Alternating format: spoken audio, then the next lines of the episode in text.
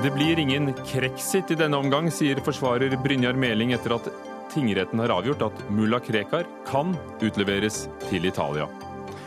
Hvis det er IS som står bak angrepet i Tyrkia går kveld, er det en ny linje fra terrororganisasjonen, hevder forskere. Unicef bør takke nei til TV-aksjonen de har fått. Det sier en leder i Norsk Folkehjelp som mener andre organisasjoner trenger pengene mer. Barn i krig trenger denne aksjonen, svarer Unicef Norge.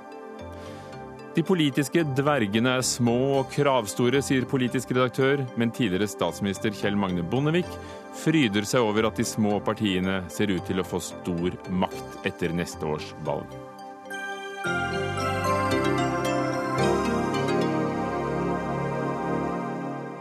Velkommen til Dagsnytt 18 i NRK2 og NRK P2. I dag ble det skrevet nok et kapittel i kronikken om Krekar. Oslo tingrett har avgjort at Nashmuddin Farash Ahmad, bedre kjent som mulla Krekar, kan utleveres til Italia. Italienske myndigheter mener han har deltatt i oppbyggingen av et internasjonalt terrornettverk. Krekar kommer til å anke dommen i morgen, og på Twitter forsvarer Brynjar Meling, forsvareren hans, at eh, det ikke blir noen Krexit i denne omgang. Brynjar Meling, eh, du sier at det er en lite modig kjennelse. Hva mener du med det? Eh, slik jeg leser kjennelsen, så gjemmer den seg i altfor stor grad bak de, italienske kjennelsene fra henholdsvis Roma-domstolen og, og Trento-domstolen, og i for liten, altfor liten grad foretar en egen vurdering opp imot de bevisene som kom fram i retten, og særlig mulla Krekars forklaring, og særlig også sakkyndigheten knyttet til eh, hans eh, planer om å danne et politisk parti som han kaller Raut. Men skal norske myndigheter, eller den norske domstolen ta stilling til eh, den italienske saken? Skal de ikke bare ta stilling til om hvorvidt han kan utleveres? Det som PST har gjemt seg bak, er en avgjørelse fra Høyesterett i 2001 som sier nettopp det du sier, at det er nok å, å bygge på en kjennelse fra et land som eh, ligger nært eh, oss, både i tradisjon og i rettssikkerhetsforståelse. Men det er en rekke avgjørelser fra Høyesterett i etterkant eh, som sier at domstolen skal foreta en egen og selvstendig vurdering, hvor selvsagt eh, en kjennelse fra et annet land skal tillegges vekt, men man skal foreta en selvstendig egen vurdering om kravet til skjellig grunn til mistanke er oppfylt. Og Det må jo særlig gjelde eh, i en sak hvor eh, den eh, hovedsiktede, hovedtiltalte, sitter i Norge.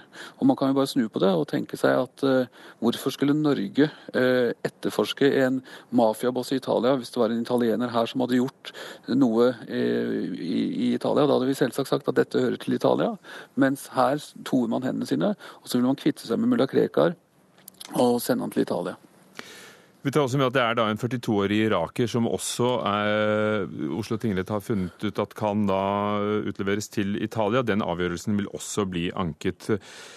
Sofie Høgestøl, forsker ved Norsk senter for menneskerettigheter ved Universitetet i Oslo. En liten modig dom, sier Meling. Hvordan ser du at uh, denne avgjørelsen er? Ja, altså vi, vi, ser jo at rettspraksis på dette området, når det er et europeisk land som Italia, pleier å gå med det grunnlaget som det uh, europeiske landet har for å få den utlevert. Det er jo et bevisspørsmål. Og om det er modig eller ikke, jeg tror uh, Oslo tingrett har vist at de kan være ganske modige i sånne spørsmål. Det viste de i Breivik-saken. Jeg tror ikke det har noe med modighet å gjøre, det har med bevisspørsmål å gjøre. Her fastslår Oslo tingrett at det er nok bevis til å tro at det er en kjedelig grunn til at han har begått disse handlingene i, um, ja, i, som han er siktet for i Italia. Uh, og det er jo kjernespørsmålet her. Og Vi har også spurt PST om å stille, men det ville de ikke. Før vi går videre, Martin Sontak, vår reporter, du har fulgt rettssaken og, og tidligere saker mot uh, Krekar. Var dette en overraskende avgjørelse? Altså, Som journalist så skal jeg selvfølgelig frastå fra å mene for mye om det, men, men, jeg må innrømme at mitt inntrykk etter å ha vært i retten disse dagene, eh, var at eh, dette kom til å gå en annen vei. Eh, det handler nok også om at eh, vi journalister ofte er litt for dårlige på juss, og kanskje ikke helt hadde tatt inn over oss at det kun var eh, snakk om skjellig grunn til mistanke som lå til grunn her, samme som ved en varetekt for øvrig, og at vi derfor nok så på dette mer som en rettssak der jo Meling kunne, kunne anføre og, og, og breie seg litt mer, hvis man kan si det sånn, mens PST i mye større grad var bundet av eh, den italienske etterforskningen og de eh, kjennelsene som lå til grunn der. Men ja, jeg trodde ikke at det kom til å bli utfallet. Og hvorfor ønsker Italia ham utlevert? Dette er jo eh, en lengre etterforskning som strekker seg tilbake til 2011 eh, fra italiensk side. Eh, der er det en kurdisk mann i Italia som da har vært på en rekke nettsteder, og disse har senere man funnet ut at flere personer som Krekar har hatt kontakt med, også har vært innom. Det har vært utspringet for denne saken, hvor man mener Krekar har ledet et internasjonalt terrornettverk med selger eller medlemmer eh, i flere europeiske land. Og de mener jo at han er avgjørende for at de skal komme til bunns i den saken de har eh, etterforsket der. Hva kom frem i, i retten som førte til resultatet? Som, som nevnt så, så, var det jo i stor grad uh, Meling og hans argumenter som, som uh, ble lagt fram i retten, i og med at PST forholdt seg i stor grad til, til, de italienske dokumentene. Men det var jo selvfølgelig ting som for øvrig har vært belyst tidligere også, om at Krekar i avlyttede selv, samtaler i besøksrommet på Kongsvinger fengsel skal ha diskutert bombing av steder i Norge. Ehm, og eh, også dette med at eh, han mener jo at dette ikke er et etablert nettverk eller en organisasjon, men at han fikk formidlet en beskjed fra fengselet der han omtaler seg selv som en form for emir eh, for dette nettverket. Og så har jo selvfølgelig han andre forklaringer på hvorfor disse tingene har blitt sagt og gjort. Brynjar Meling, du har kalt dette feigt spill, hvor en skal løse Krekar-problemet. Krekar som altså opprinnelig ble utvist til Irak, men dit er det ikke mulig å utlevere ham. Eh, ved å utlevere ham til Italia, er det ikke Krekar som da eventuelt er feig, som ikke vil møte for retten i Italia? De skal jo føre en, en, en rettssak eh, der også? Enhver Enhver som er uskyldig anklaget for noe, vil motsette seg en utlevering. Det er ingenting feigt med det. Men jeg syns det er veldig interessant at Senter for menneskerettigheter stiller i debatt. Eh, og Jeg vil gjerne vite hva de har satt seg inn i bevismaterialet, hvordan de ser på de konkrete bevisene som er påberopt, siden de nå stiller debatt og er med og hvitvasker dette eh, spillet med å, og, og da også gi det et menneskerettighetsspill. Det skal du straks få eh, høre, men jeg hadde lyst til å høre med deg. Altså, Hvis han mener seg uskyldig, hvorfor kan ikke rettssaken like gjerne foregå i Italia? Hvorfor skal en rettssak eh, foregå i Italia hvis en handling er begått i Norge? Og det andre er, når du sier det feil spill for å løse Krekar-problemet, tingretten har vel bare tatt en juridisk avgjørelse? Det, det er ingen politikere, det er ikke noen uh, verken tidligere kommunalministre eller andre som står bak uh, tingretten? Nei, men det er et bevisbilde her som er utlevert. Altså norske beviser er innhentet til Norge og utlevert til italienske myndigheter. Norske bevismidler som har vært vurdert eh, av PST i forkant av mulla Krekars eh, fengsling i 2012. Så hvorfor skulle de, når det ikke ledet til noen etterforskning i Norge utover det som da endte med tiltale og frifinnelse for terror, hvorfor skulle dette da lede til eh, en sak i Italia? Dette er direkte i strid med, eh, med utleveringskonvensjonen artikkel 8, og jeg vil gjerne høre hva Senter for menneskerettigheter mener om det, siden de nå deltar i denne debatten. Sofie Høgestøl, har, har de som Meling hevder handlet i strid med menneskerettighetene? Det får vi se på i lagmannsretten. Det er jo slik at Vi har et, en rettsstat i Norge hvor man kan anke saken slik som det har blitt gjort nå. Jeg sier bare at dette er et, dette er et bevisspørsmål. og tingretten har konkludert med at det var nok bevis i denne saken. Det kommer lagmannsrett til å se på også, og kanskje Høyesterett. Og man kan, og anke det, og man kan anke det helt til Den europeiske menneskerettsdomstolen. Jeg tror at Krekar har så langt i de siste tolv årene fått en grundig eh, behandling av det norske rettsvesenet. Vi så jo i saken i fjor, så kom Borgartinget og sa at det var ikke godt nok hva som var fundert i lagmannsretten. Det kan skje igjen. Men jeg reagerer litt på at det blir sagt det ikke er modig. For spørsmålet igjen, det er et bevisspørsmål. Jeg har ikke satt meg inn i de bevisene, for jeg er ikke en, en part i denne saken. Men jeg ser at tingretten i dag sier at det var eh, det beviskravet oppfylt. Så får vi se hva lagmannsretten sier. Er du med på å, å hvitvaske det Meling kaller et spill? Det var jo påstanden her. Nei, det mener jeg ikke. Uh, er det fordi du mener det ikke er et spill? Uh, jeg mener at Italia har spurt om å få Krekar utlevert.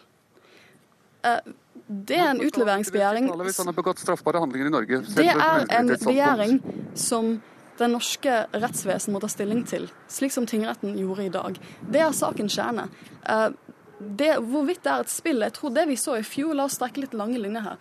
Det vi så i fjor, var at man prøvde å få en litt sånn spansk løsning på Krekk-problemet ved å si at han skulle um, sitte på et mottak i, i Trøndelag etter han uh, var løslatt. Og, og, det var jo uh, menneskerettslig ikke en god løsning. Og det kom jo Borgartingen eh, også fram til. Han skulle altså tvangsbosettes på Kyrksæterøra, ja. men det ble kjent ugyldig? Og det ble kjent ugyldig. Så jeg har full tillit til at lagmannsretten kommer til å gjennomgå bevisene på en selvstendig måte igjen og gi dette en god behandling. Men igjen, dette men, men, men dette poenget med at saken burde føres i Norge hvis det her lovbruddet er begått? Jeg synes det er, det, det er, et spennende moment i saken. Det blir igjen spennende å se hva lagmannsretten sier. Men tingretten sa i dag at for å få en rask og fullstendig opplysning av saken, så er det mer hensiktsmessig at den går i Italia. Her er det jo greit å nevne at ja, det er greit å nevne at også PST har jo sagt at denne straffesaken kunne gått i Norge. Mm. Men, men, igjen, jeg tror også at det er viktig eh, Dette er snakk om Italia. Det er ikke snakk om å sende til Irak. Eller, altså, dette er snakk om et europeisk land som er medlem av den europeiske menneskerettskonvensjonen. Jeg tror det er ingenting som tilsier at han ikke vil få en grundig og god behandling i Italia dersom han blir utlevert.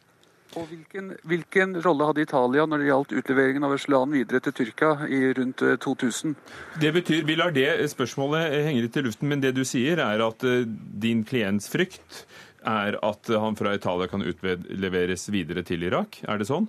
Både det, samt at vi har ikke fått noen garantier til, eh, fra Norge om at han vil komme tilbake til Norge når han er utvist herfra. Eh, og Det er et punkt som så å si ikke er drøftet av retten engang. Kommer dere eh, til å gå hele veien til Menneskerettighetsdomstolen hvis alle norske rettssaler dømmer på samme måte som tingretten gjorde i dag? Selvsagt, og jeg kan garantere også de som da er bekymret for at den norske stat skal betale for at Krekar skal til Menneskerettighetsdomstolen, at det skal jeg gjøre ut ifra et menneskerettsperspektiv som advokat, med de forpliktelser jeg har til å hindre urett og fremme rett.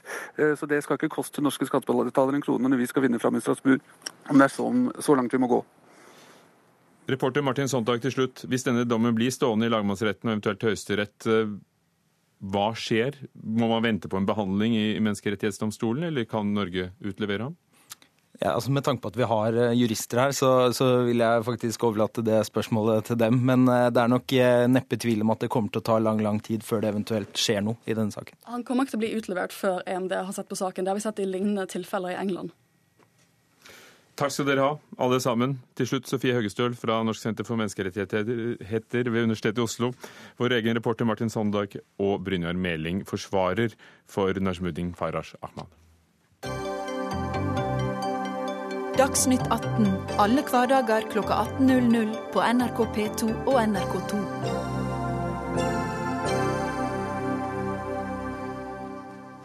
For Niende gang bare i år er Tyrkia rammet av et terrorangrep. 41 mennesker er drept, det er tallet som er fastslått hittil.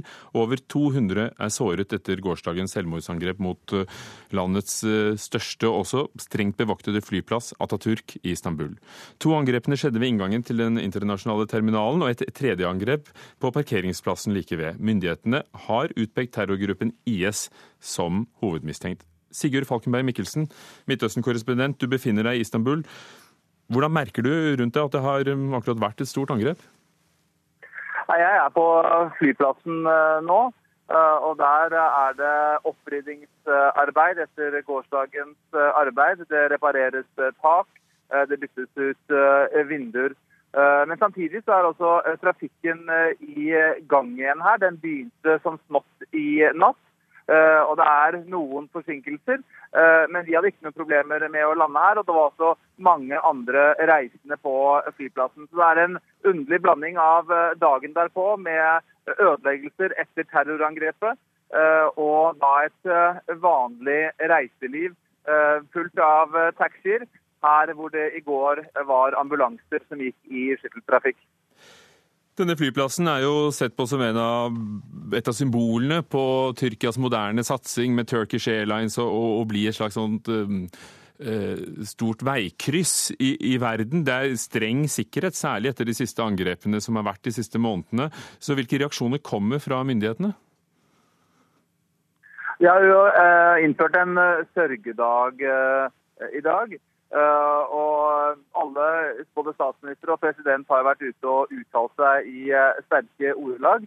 Uh, og Det er en del mer bevæpnede styrker her så vidt jeg kan se enn en vanlig, men det er ikke noen ekstra sikkerhetsforanstaltninger, f.eks. veisperringer eller slike ting. og Vi vet jo at terroristene i går kom til flyplassen som vanlig reisende med en taxi. Men det er lite utover litt ekstra bevæpning og litt ekstra folk eh, utover det normale, så vidt jeg kan bedømme. Russland eh, letter på sanksjonene i dag mot Tyrkia eh, etter at Erdogan og Putin hadde snakket sammen på telefon. og Det skjedde jo etter at Tyrkia beklaget nedskytingen av et militærfly i fjor. Eh, men, men, men, nå skal det bli lov for russere å reise på ferie. Men det store spørsmålet både for russere og andre er vil folk reise? Vi får se. Det var i hvert fall mange som ikke hadde avbestilt reisen sin i dag. Det var en blanding av turister og lokale på flyplassen. Det er helt altfor tidlig å si hvordan dette vil eh, slå ut. Eh, men hva denne Russland-Tyrkia-avtalen angår, så er jo det eh, man er særlig opptatt av Tyrkia. I Tyrkia nesten mer enn enn selve terrorangrepet, virker det som. Og dette kom jo etter et meget spent forhold og en slags kanossagang fra Tyrkias president Tayyip Erdogan, som sendte et unnskyldningsbrev til Putin. Uh, og så snakket de da sammen på telefon. Og Putin åpnet igjen for, for, å lempe på sanksjonene.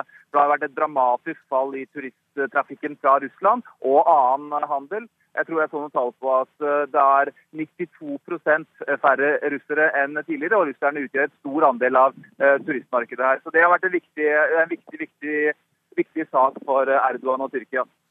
Takk skal du ha, Sigurd Falkenberg Mikkelsen på Atatürk-flyplassen i Istanbul. Morten Myksvold, redaktør av nettstedet tyrkiskpolitikk.no. Tidligere har tyrkiske myndigheter eh, pekt på det kurdiske terrororganisasjonen PKK når det har vært eh, angrep. Nå rettes mistanken mot IS. Eh, hva er det som taler for at dette er terrorgruppen IS? Først og fremst må det være størrelsen på, på terrorangrepet. At det var tre Eh, separate terrorister som, som angrep eh, i en koordinert aksjon på to forskjellige plasser på, på Atatürk-flyplassen. Eh, PKK og deres affilierte gruppe har vanligvis angrepet med bilbombe når de har angrepet både militære og sivile mål. Men ingen i IS har påtatt seg ansvaret for dette ennå? Nei, og, og det, det, er uvanlig? Ikke i Tyrkia. Eh, det er en ting som skiller terrorangrep i Tyrkia begått av IS fra eh, terrorangrep begått andre plasser. Eh, IS tar ikke på seg skylden for terrorangrep i Tyrkia. Det eneste de påtar seg skylden for der, er attentat mot syriske journalister eller aktivister, for å på en måte statuere eksempel. Eh, der, og det, det, antyder at deres mål med terroren i, i, i Tyrkia eh, handler om å, å, så splid mellom myndighetene og kurdiske eh, geriljagrupper. Eh, og Det så vi jo i fjor eh, etter terrorangrepet i Suruc, eh, begått av IS, men som egentlig var dråpen som til å renne over i, i våpenhvilen mellom Tyrkia og, og PKK. Einar Wigen, forsker ved Universitetet i Oslo, også med, med Tyrkia som felt. Er dette en ny linje fra terrorgruppen IS? Nei, eh, nå er det jo vanskelig å vite for det første om det var IS. Jeg er jo ikke helt, eh, helt sikker på det. men og så er det jo også uvisst om dette er en celle i Tyrkia, eller om det er eh, på en måte er hvor langt opp ordrene går. Men hvis det går noen ordre opp eller ned her, så, så dreier nok dette seg om en viss omlegging av målutvelgelse og at denne målutvelgelsen er mye mer rettet mot Tyrkia som stat og Tyrkias posisjon i verden, enn mot eh, ja, det som også har vært Tyrkias uh, motstand, eller hva skal du si, den tyrkiske, stat, det den tyrkiske staten anser som sine motstandere innad i Tyrkia. Så jeg tror det kan dreie seg om en endret strategi, ja. Du mener regjeringen så langt har brukt de angrepene som har vært på for å befeste makten sin. Hvordan har de gjort det? Ja, eh, Den sittende presidenten eh, han er jo da president av et, eh, en parlamentsstyrt republikk der han styrer. Og For å få til det, så er, delvis, er han delvis avhengig av å, å, gå fra en krise til neste. At når det bryter ut en krise, eller det skapes det får, Så snart det blir en krise, så gir det muligheter for ham til å, å befeste makten og å drive med maktkonsolidering. Og uh, i parlamentet, det tyrkiske parlamentet uh, så um, foregikk det en debatt i natt, altså i etterkant av dette her. Men det de debatterte, var jo ikke terrorangrepet. De debatterte hvordan de kunne ta fra domstolen uh, mer autonomi. Som åpner veien for ytterligere maktkonsolidering og mest sannsynlig også endring av grunnloven. Når man sitter etter et sånt terrorangrep som dette til kvart på seks om morgenen, Eh, og diskuterer noe helt annet, så eh, gir det Altså Det gir en indikasjon på hvor, hvor statens prioriteringer er. Myksvold, regjeringspartiet vant jo valget i november i fjor ved å love trygge og stabile tilstander. Hvordan påvirker det regjeringens oppslutning, og særlig når vi da hører at de, de bruker natten på å diskutere hvordan de kan frariste rettsvesenet makt? Eh, at regjeringen har mista eh, popularitet eh, siden november i fjor. Erdogan og AKP lovte at ja, stem AKP, så får du stabilitet.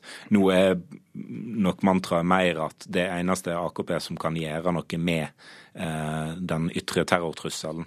Så, så, så, budskapet er nok det samme, og Tyrkia er et såpass polarisert samfunn at Eh, at eh, de som støtter Erdogan og AKP, de støtter de fortsatt. Tyrkia er jo med i bestrebelsene på å slå ned IS i nabolandet Syria, men klarer ikke å stanse altså IS-angrepene på egen jord. Hva kan det skyldes? Det er nok en, et faktum at, eh, at, Tyrkia har undervurdert IS tidligere i, i den syriske borgerkrigen. Deres fokus var retta mot Assad-regimet, som rett nok har begått enorme overgrep og ført til veldig mange flyktninger. Og det å begrense eh, utbredelsen av de syriske kurderne eh, sitt territorium. Eh, for det har de opplevd som en større trussel mot Tyrkia sin territorielle integritet. Så, så, så Tyrkia har nok undervurdert IS til en viss grad. Det siste året så har de vært i direkte kamphandlinger jevnlig med IS, men de det blir ofte målt på antall luftangrep. Det er et litt dårlig mål, siden Tyrkia har hatt vansker med å, å fly inn i, i, Syria. Spesielt etter de skjøt ned det russiske jagerflyet. Eh, men, men, de angriper veldig masse med artilleri, og, og, og spesialsoldater blir brukt.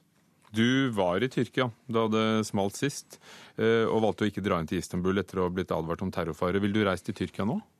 Ja, jeg var, jeg var, noen kilometer unna, eh, men jeg reiste ikke akkurat til det området der det smalt pga. at en venn anbefalte meg å bli. Eh, men jeg ville, jeg ville gjort det samme nå. Jeg, jeg, skulle jeg reist til Tyrkia i morgen, så hadde jeg reist. Men jeg hadde lytta til, eh, til, folk som kan mer om, om situasjonen enn meg. Jeg ville lytta til Utenriksdepartementet. Jeg ville tatt forholdsregler. Men Tyrkia er et stort land, Istanbul er en enorm by, og det er mange områder en kan besøke som ikke er blant de mest sentrale turistområdene. Og Utenriksdepartementet har ikke endret reiserådene. De fraråder reiser til grenseområdene mot Syria, og ber reisende om å være forsiktige i provinsene sørøst i Tyrkia, men har altså ellers ikke endret eh, noen ting. Takk skal dere ha, Morten Myksvold, redaktør for tyrkiskpolitikk.no, og Einar Wiggen, forsker ved Universitetet i Oslo.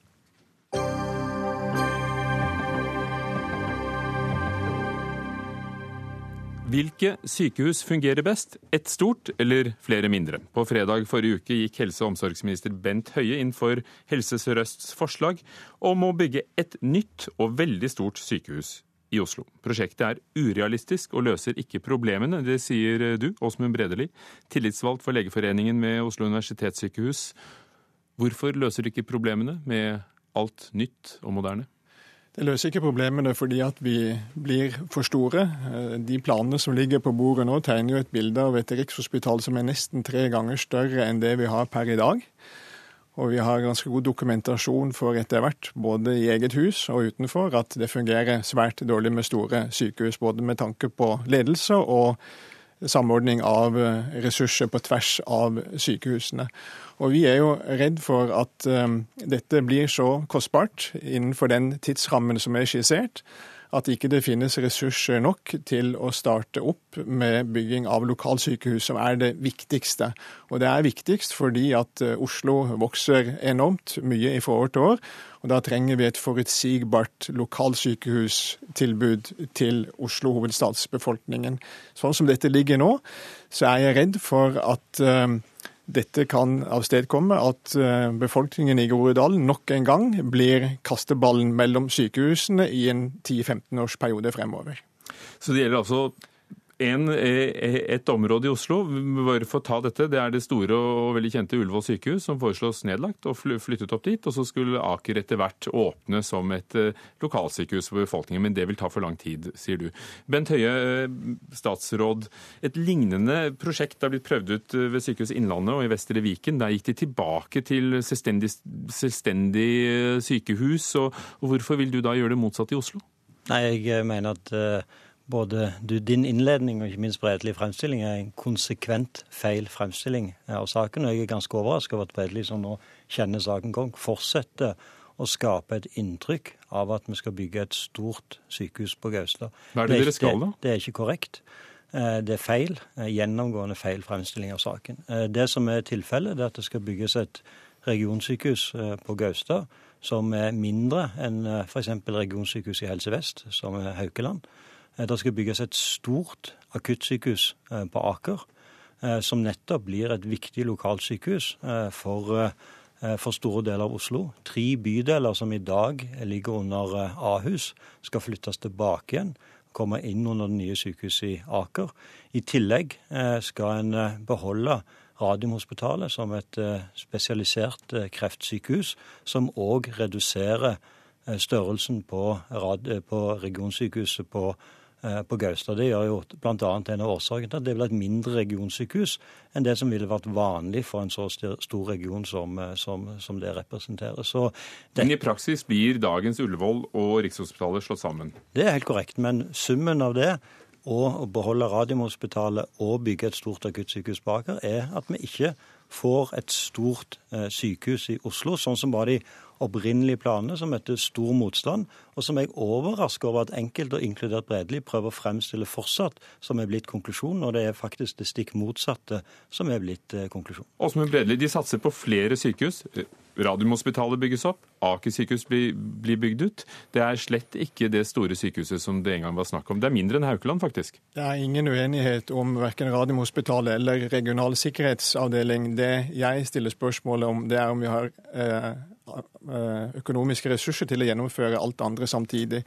Og Jeg må nok dessverre si at jeg tror eh, helseministeren er feilinformert. For hvis man går inn i dette planverket Jeg kan dette ganske detaljert, jeg har vært tett på det i tre og et halvt år. Eh, så er det riktig som Bent Høie sier, at første byggetrinn er 87 000 kvadratmeter. Men man har tenkt å bygge ut altså Rikshospitalet med til sammen 200 000 kvadratmeter. Altså det blir omtrent Eh, i overkant av dobbelt så stort som det er i dag. Dette Men Hvorfor skal det gå utover pasientene? Dette går utover pasientene fordi at hvis vi starter et så gigantisk prosjekt på Rikshospitalet, så får vi altså ikke ressurser til å bygge opp et uh, lokalsykehustilbud på Aker, som er det viktigste i forhold til at vi må prioritere ganske hardt fremover, gitt de rammene vi har til rådighet. Så jeg er nok uenig med Så planen er det ikke noe veien med, men du tror ikke den er realistisk? Den er ikke gjennomførbar, kort og godt, for den vil også innebære flere hundre millioner i årlig effektivisering i sykehus, og det blir svært vanskelig å gjennomføre fordi Altså, driftsforutsetningene vil være relativt statiske i hele denne perioden. Så hvis vi snakker tre ja, år frem i tid, kanskje. Da stopper vi der. Bent Høie, eh, det er ikke noe feil med planen, men altså, Legeforeningen tror altså ikke på realismen i det, og at budsjettene strekker til? For det første så er dette en realistisk plan som er innenfor det som er Helse Sør-Øst sin, sin, bærekraft. For det andre så er det jo da, ville det vært interessant å høre hva som var Bredeli sitt alternativ. For hvis en f.eks. hadde gått inn for og opprettholdt Ullevål som sykehus og rehabilitert de bygningene som er der, så ville det vært for det første veldig kostbart, med en ekstrem usikkerhet knytta til, eh, til, kostnadene. Og samtidig ville det ikke gitt et fremtidsretta sykehusbygg for verken de som jobber der, eller for bygging. Og Så fortsetter Bredli å fremstille det som om det skal bygges et eh, gigantsykehus på Gaustad, som han sier. Det er definitivt feil. Og det nytter ikke om Bredli gjentar og gjentar den feil påstanden. For du tror heller ikke at gigantsykehus alltid er til Nei, det beste? Nei, og det er en av grunnene til at jeg nettopp har bidratt til at eh, det har blitt en annen løsning enn det. For jeg har heller ikke tro på at Oslo skulle hatt Europas største sykehus. Det er ingen mening i det. Og det er årsaken til nå at det blir et regionsykehus på Gaustad som faktisk blir mindre enn regionsykehus i regioner som har en lavere befolkning enn det som man har i denne regionen. Samtidig som det blir et stort akuttsykehus på Aker, helt i tråd med det som Groruddalens befolknings okay. Vi, vi, vi, har skjønt hva planen er, men det betyr vel uh, at uh, Høie her vil skaffe de pengene til veie da, som trengs Lovavdelingen har ingen preferanse for Aker, Rikshospitalet eller Ullevål først. Vi er opptatt av at man må legge en plan som er konkret og som er pasientrettet. Altså det må tjene pasienten og det viktigste først. For lokalsykehuset og for regionen, og også for de nasjonale funksjonene som Oslo universitetssykehus har ansvaret for. Så hva er Alternativene har vi pekt på mange ganger, og det er at vi må sette tæring etter næring. Altså, Vi kan ikke bruke og planlegge for flere ressurser enn de vi har til rådighet, verken i nåtid eller fremtid. Og Da må man altså på et eller annet tidspunkt prioritere det viktigste først. Og Det mener jeg er viktig også for en helseminister å gjøre de riktige prioriteringene. Og Det vil da være å starte med det som haster mest, og det er å eh, skaffe et, eh, en god eh, lokalsykehuskapasitet for Oslo-befolkningen. Og spesielt da Groruddalens befolkning, som har vært kasteballer i denne eh, sykehusplanleggingen i mange år. Og jeg er redd for at dette vil vedvare helt fram kanskje 10-15 år før vi får gjort disse tingene, hvis man starter feil sted. Så jeg, jeg har fremdeles til gode å se hvor disse pengene skal skaffes fra. Men altså, planleggingen av utbyggingen av Gaustad-Aker eh, og prosessen der kommer til å gå helt parallelt. Og Det er en veldig vesentlig årsak til det. Det er at Hvis du ser utenfor Oslo sine grenser, så grenser Oslo til Akershus, som også har en stor befolkningsvekst. Det betyr at den kapasiteten som er på Ahus, den er etter hvert nødt til å bli stilt til disposisjon for befolkningen eh, i Akershus, og da må disse bydelene flytte tilbake til Oslo. Så den eh, kabalen som nå skal gå opp, den går faktisk ikke opp uten at du får en parallell utvikling av Gaustad og Aker. og Det ligger òg i planene. Sånn ja, det, men, men, men, det betyr Er det penger ja, altså, nok, er spørsmålet? Det, ja, det er der. fordi at dette går selvfølgelig over flere år. og Det er Helse Sør-Øst som nå har selvfølgelig ansvar for å vurdere bærekraften. Men det er ikke noe annen eh, eh, på en måte grunnlag for denne beslutningen enn det er beslutningen i de andre helseregionene. Men, men er det regnskapet altså, som er feilberedelig? Poenget er nå at alle andre regioner bygger store gode nye sykehus enn gjør det i Stavanger. Jo, men da har vi fastslått det, at det er ikke selve sykehuset, altså, det, er, det, er, planen for hvordan det skal skje. Dette er en videreføring av et uh, prestisjeprosjekt, et gigantsykehus. Og selv om Bent Men du sier jo at det ikke er noe veien med, med det Nei, sykehuset? men jeg sier at vi må begynne i riktig ende, og da må vi begynne med å skaffe en forutsigbar lokalsykehuskapasitet for Oslo hovedstadens befolkning. I den planen som Høie har lagt frem, og, og Helse Sør-Øst har lagt frem og Høie har godkjent, ligger det jo da utbygging av et sykehus som skal ta hånd om det? Det er overhodet når det gjelder Aker-utbyggingen, som er kanskje det viktigste i forhold til akkurat lokalsykehustilbudet, uh, så er det ingen konkretisert innhold der oppe. Verken når det gjelder innhold, eller når det skal starte, eller hvor mye man skal bruke på det. Men derimot så har man brukt uh, flerfoldige titalls millioner på å konkret planlegge eh, en svær utbygging på Rikshospitalet. Og Når man sammenligner dette f.eks. med Haukeland, så blir det også galt. For faktum er det at med de plan, underliggende planene som jeg usikker på om, om, Bent Høie har fått full innsikt i, så vil altså et ferdig Rikshospital være atskillig større enn Haukeland til sammenligning. Men er det noe i veien med det, da? Hvis Nei, det, det er, er ikke noe i veien med det. Man må altså begynne i riktig ende. og det er det er det som er okay, viktig. Riktig ende. Bent Høie, er det sånn at dere har satset på det store, eh, nye, prestisjefulle, og så vente med lokalsykehusene til det kanskje er for sent? Nei, som jeg har sagt, det er feil. Eh, og, og Bredli fortsetter å fremstille det som om det var den løsningen som ble forlatt eh, for ganske lang tid siden, som skal, skal gjennomføres. Jeg er veldig overraska over at tillitsvalgt for Legeforeningen ønsker å føre de ansatte i Oslo universitetssykehus ut i en ny situasjon der en igjen har uklarhet om hva som skal være den fremtidige løsningen for Oslo universitetssykehus. Er det, noe, er det noe denne saken har hatt behov for, så er det nettopp at en skjærer gjennom og bestemmer hva som skal være eh, den fremtidige situasjonen. Og Det å basere seg på, som Bredli sier, at en da i realiteten skal videreføre Ullevål som sykehus og den bygningsmassen der, det mener jeg er faktisk uansvarlig. Og du kan si altså at du og regjeringen også da har en konkret plan med penger til for lokalsykehuset? Helse Sør-Øst har en konkret plan for utviklingen av prosjektet. Beslutningsgrunnlaget for å ta investeringsbeslutningen er ikke eh, tilstrekkelig ennå. Det vil komme underveis, men det er nettopp det denne beslutningen handler om. Bestemme for hvilken vei en skal gå videre. og Så vil en få beslutningsgrunnlag for investeringsbeslutningen underveis. og Da vil det Oslo universitetssykehus bli, bli behandla på akkurat samme andre måte som andre helseregioner og andre sykehus. Og andre sykehus og andre regioner klarer dette, og da tror jeg òg Oslo universitetssykehus skal klare det. Og det blir for sent, mener du? Det blir for sent. Jeg vil oppfordre helseministeren til å følge opp konkretiseringen av innhold og oppstart og tidsaspekt for etableringen av lokalsykehus. At, altså, jeg, jeg, jeg, har store problemer med å forstå hvorfor Bredeli ønsker å skape usikkerhet for de ansatte på Oslo universitetssykehus som tillitsvalgt. Statsråd Åsmund Bredeli, tillitsvalgt for Legeforeningen ved Oslo universitetssykehus.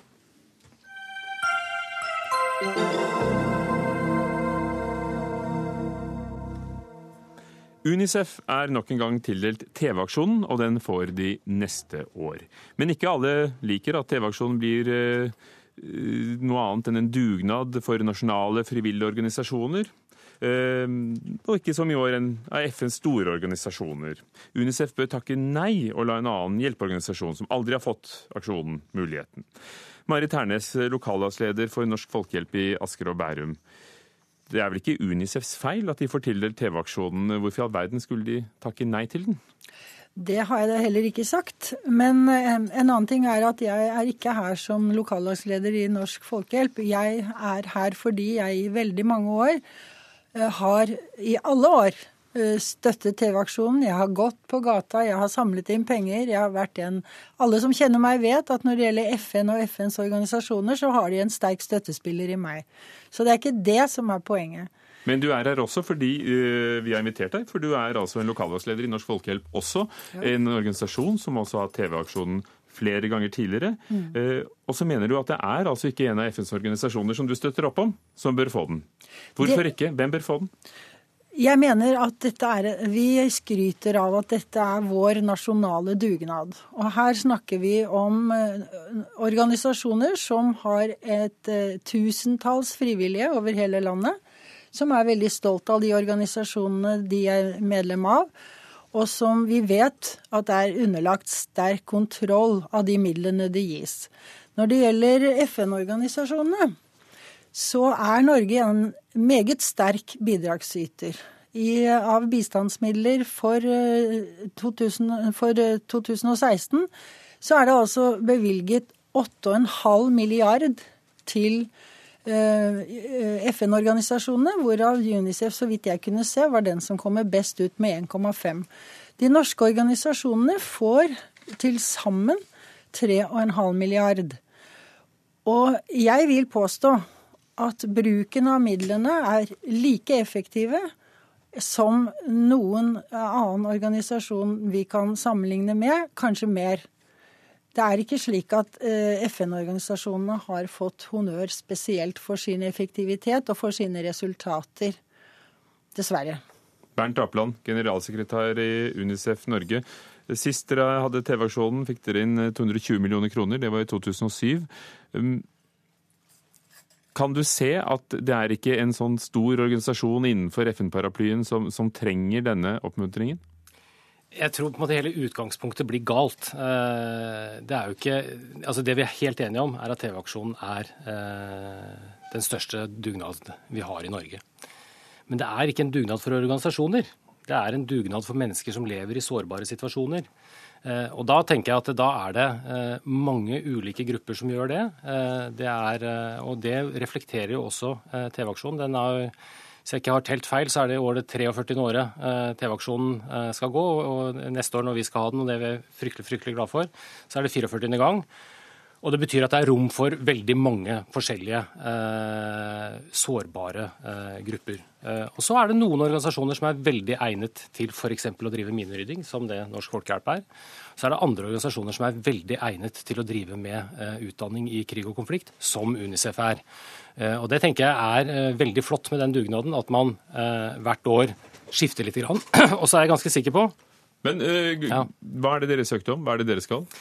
Vi søkte på læring i krig, eh, og aksjonen skal gi utdannelse til barn og unge som nå vokser opp i krig og konflikt, og som mister skolegangen sin pga. de voksnes krig. Eh, og er det ikke sånn eh, Marit Hernes, at det er det beste prosjektet som vinner, og da spiller det vel mindre rolle hvem som faktisk hadde ideen og skal gjennomføre det?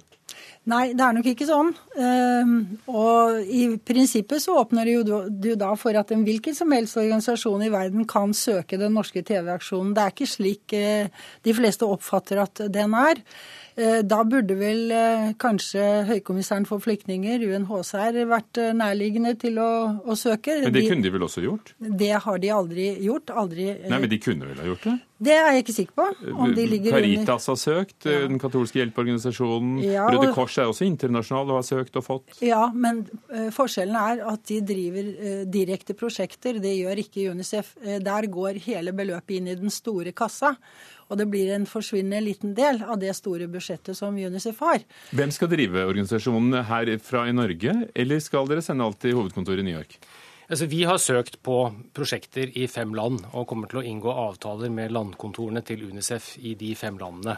Eh, så, og Dette kommer NRK til å følge opp på helt vanlig måte. Men jeg er nødt til å ta tak i et par av de tingene som kommer, for det, det, forvirrer lytterne mer enn det oppklarer. For det første så er Unicef Norge en norsk organisasjon. Eh, på samme måte som Norges Røde Kors er en norsk organisasjon i en internasjonal bevegelse, som på samme måte som Redd Barna er en Så den norske Unicef-komiteen av FNs internasjonale ja, barnefond som har fått TV-aksjonen. For pengene. Ja. Og dere kjøper da inn prosjektet for de kanskje da omtrent 200 millionene som vil komme inn? Det er helt riktig, eh, og det er det som for måte er, er, er mitt fokus fokus. Og det, og det, er det som på en måte jeg tror er det norske folks fokus også. for Hvis du ser på den aksjonen i 2007, så ga jo den rekordresultater den gangen. Så jeg er helt sikker på at eh, den bekymringen som, som eh, Marit Hernes her eh, bringer fram, ikke ikke deles av det norske folk. Men nok om det. Så er det på en måte litt dette med, med, med effektivitet og kontroll og, og, og, og, bevilgninger fra offentlige myndigheter. Du, du sammenligner litt epler og pærer her. For FN det er et veldig stort apparat. Hvis du tar f.eks. de fem store eh, organisasjonene i Norge, som er Røde Kors, Redd Barna, Flyktninghjelpen, Norsk Folkehjelp og, eh, og Kirkens Nødhjelp, så får de 2,6 milliarder av den norske stat i året. Hvis du tar de tilsvarende spisse organisasjonene i FN, altså de som jobber med de samme tingene, som er Verdens matvareprogram, FNs høykommissær for flyktninger og UNICEF, så får de 2,3 milliarder. Jeg unner alle organisasjoner de pengene. Men dere er jo ikke en frivillig organisasjon som må samle inn penger. altså Det er jo et slags direktorat for FN? da? Ja, Dette er igjen hvordan du ser det. Vi har en veldig sånn eh, tradisjonell holdning til dette i Norge. på at Frivillighet handler om at du må gjøre en frivillig innsats i ditt lokalmiljø. Jeg er enig i at det er veldig flott. Jeg har selv tilbrakt 16 år i en slik organisasjon, så jeg er veldig for det. Men det finnes mange måter å drive frivillighet på. Jeg syns det er en fornærmelse mot de 40 000 eh, menneskene som hver måned gir penger til eh, Unicefs arbeid, til de næringslivspartnerne vi har som hvert eh, år gir store summer til, Unicefs arbeid. Og hvis du faktisk tar alle Unicef private givere i verden og samler de i én pott, så er det den største giveren til, til UNICEF. Det er altså ikke lenger en regjeringsorganisasjon. Det er jo altså da en, en norsk avdeling. Det er eh, fra Norge dette skal bestyres, og det går det vel an å ha like god kontroll med som andre organisasjoner som søker på TV-aksjonen. Dere selv inkludert, dere hadde den jo da i 2011, og da kom det inn 200 og nesten 220 millioner da også. Det er ikke mitt poeng. Og jeg mener at eh, ja, du har et godt poeng. Unicef er den letteste organisasjonen å selge, og med det apparatet dere har. Dere er veldig offensive i markedsføringen. Du finner dere på gater og streder overalt. Dere har et stort apparat og mye penger å bruke på sånt. Så det er klart, det er, jeg er ikke sikker på at uh, at eh, Unicef er så veldig mye bedre til å forvalte disse pengene enn de norske organisasjonene. Det har jeg sett både innenfra og utenfra. Men mener du at de er verre? Altså, Det har kommet Sikkert. veldig mange eh, kritiske rapporter om Unicef. Senest i 2015 så kom det en kritikk som, om manglende samarbeid, koordinering, manglende effektivitet, høye lønninger og driftskostnader. Og i den siste rapporten jeg leste når det gjaldt akkurat utdanning, så er det ikke bare å telle antall skoler og antall uh, hoder som sitter inne i de skolene, men det er når det sies at 146 milliarder kroner er rett og slett bortkastet fordi det foregår ikke noe effektiv læring, kvaliteten er for dårlig, så må man ta det inn over seg. Burde dere da ryddet opp i alt dette på internasjonalt nivå før dere søkte om bidrag? Unicef blir evaluert av alle eh, land som gir penger til Unicef, deriblant Norge. Eh, jeg tror vi telte opp at Siden 1984 så har Unicef blitt evaluert 67 ganger eh, av Norad. Vi blir evaluert av Diffid, vi blir evaluert av USA, vi blir evaluert av FNs generalforsamling. Og så må jeg få lov til å si dette poenget. Det er litt rart når vi diskuterer evalueringer at man tar som utgangspunkt at den organisasjonen som skal bli undersøkt, skal være perfekt. Jeg kan love deg, UNICEF er ikke en perfekt organisasjon. Men det som er viktig, er at man evner å være åpen og vise kortene sine, sånn at man kan bli undersøkt, og at man lærer av sine feil. Og Det gjør vi i UNICEF, og vi ønsker enhver kritikk velkommen. Og så blir vi litt bedre hver gang. Og jeg er helt sikker på at i 2017 så vil det også være ting som UNICEF gjør som ikke er helt perfekt, men vi skal gjøre vårt aller beste, og jeg er helt sikker på at vi får det norske folk med på det. Er ikke Marit Hernes, helt til slutt, det siste eh, spørsmålet du skal få er, er det ikke NRK som eventuelt skulle ha valgt annerledes? For det står vel enhver fritt å søke, enhver søker å gjøre det de skal. Og det var også mitt poeng, at jeg ønsket ikke en debatt om UNICEF, men om uttaket, fordi det er bare ti år siden sist. Og jeg kjenner ikke til noen andre organisasjoner som har fått med så korte intervaller. Og det er mange som aldri har fått. Og, og det skal vi kanskje få svar på nå. Ja. Takk skal dere ha. Marit Hernes, som altså, bortsett fra at du er engasjert, så er du også lokallagsleder i Norsk Folkehjelp for Asker og Bærum, og Bernt Apland, generalsekretær Unicef Norge. For Erik Berg-Hansen, du er sekretær i NRKs innsamlingsråd, som vedtar hvem som skal få TV-aksjon. Dere innstiller, så er det kringkastingssjefen som vedtar, og du vil ikke stille i debatt. Hvorfor er det Unicef som får det? En stor organisasjon under FN, og det er ikke så lenge siden de fikk heller. Da må eh, aller først bare for de uinnvidde si at Innsamlingsrådet det er et eksternt råd, altså et råd som ikke eh, det er noen NRK-medarbeidere i. Og så må jeg også få si en ting til før jeg svarer. Vi forsøker å praktisere full åpenhet rundt så å si alle sider ved eh, TV-aksjonen og Innsamlingsrådet. Men når det gjelder selve diskusjonen på tildelingsmøtet, så har vi valgt å holde det internt av forskjellige grunner. Så dere må ha meg tillit for at jeg ikke kan gå i detaljer på det. Men når det gjelder Hvorfor er det UNICEF? Hvorfor er det UNICEF? Jo, det kan jeg godt si.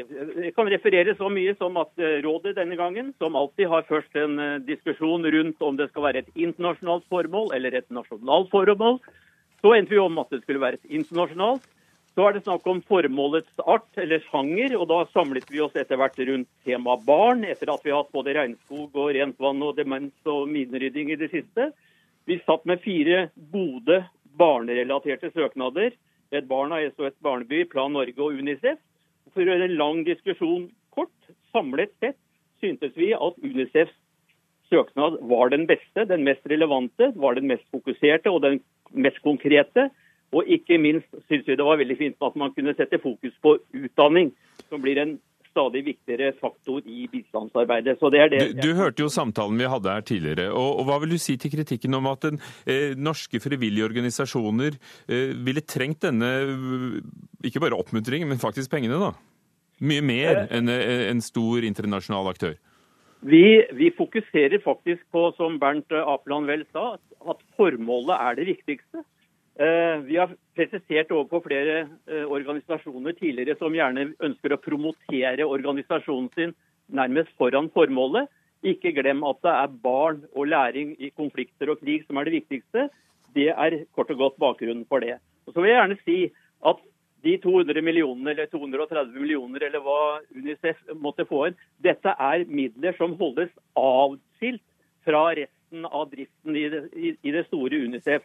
Og Unicef Norge må levere revisorgodkjente regnskaper for hvert eneste år for alle de pengene de disponerer. Som alle andre som får TV-aksjonen. Som alle andre. Så Takk skal du ha, Erik Berg-Hansen, sekretær i Innsamlingsrådet, som da avgjør hvem som får TV-aksjonen i NRK. Det var så langt vi kom. Hør Dagsnytt 18 når du vil. Radio NRK Radio.nrk.no.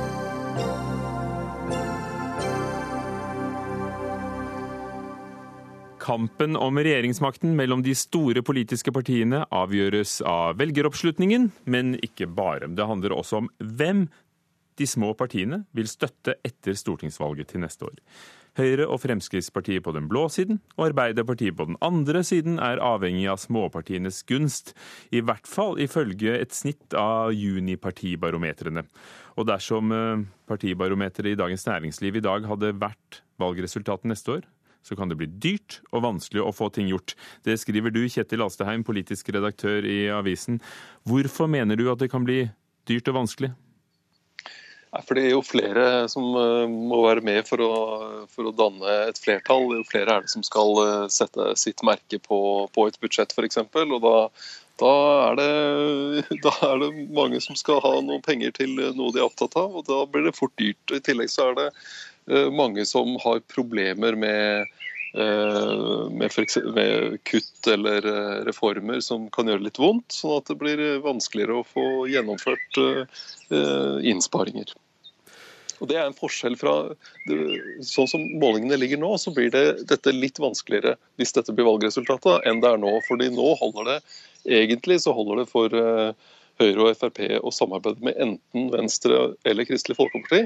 Mens uh, hvis det blir uh, sånn som det ser ut nå, så må de ha med begge to.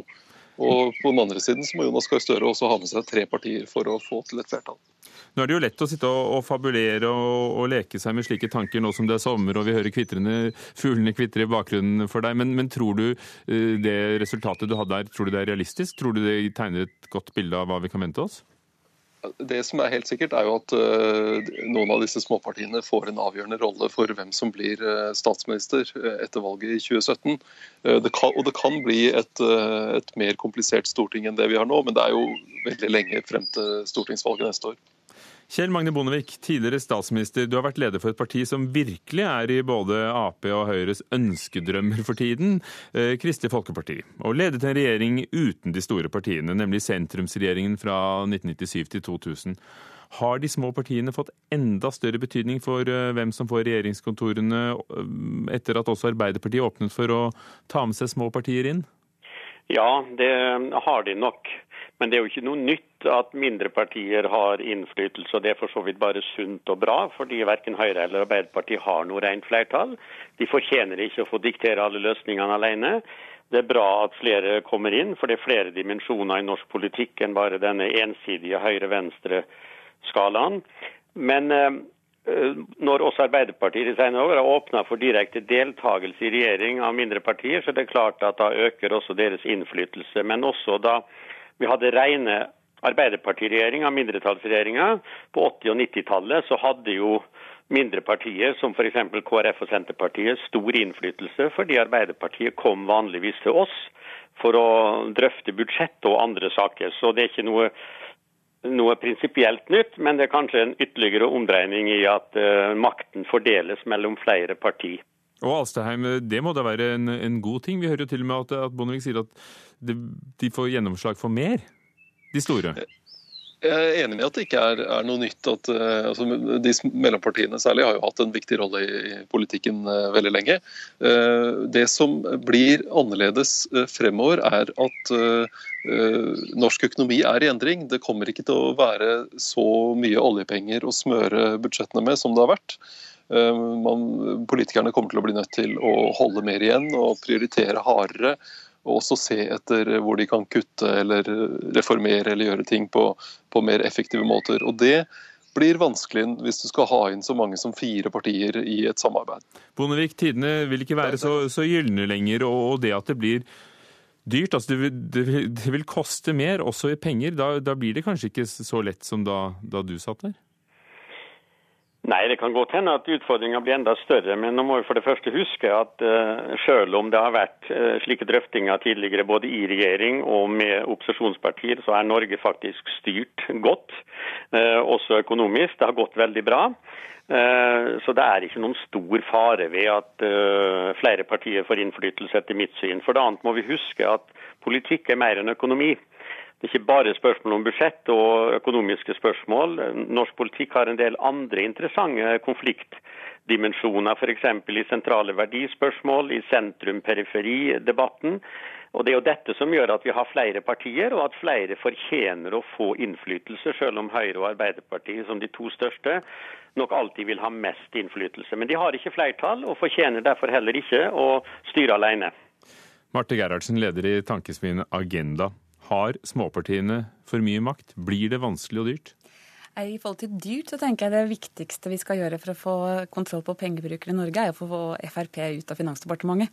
Det har aldri vært brukt så mye penger som, som når de er der. Eh, og jeg tror også, som Bragli Alstheim var inne på, at tida for store skattekutt og mer penger til alle gode formål, den er forbi. Uansett hvem som sitter i regjeringskontorene etter 2017. Men hva med det som ikke er eh, omkostninger i kroner og øre, men å måtte gi egne hjertesaker på båten for å tekkes mindre partier? Jeg tror jo at småpartiene har en veldig viktig rolle i norsk politikk. Det ene er jo at de er ofte eh, flinkere til å fange opp tidsånden og komme med nye forslag som de store partiene ikke klarer å fange opp, og som etter hvert blir på en måte mainstream. Eksempler på det er jo når, når SV foreslo etiske retningslinjer for oljefondet, så syntes alle det var tøyste. Nå er alle enig i det.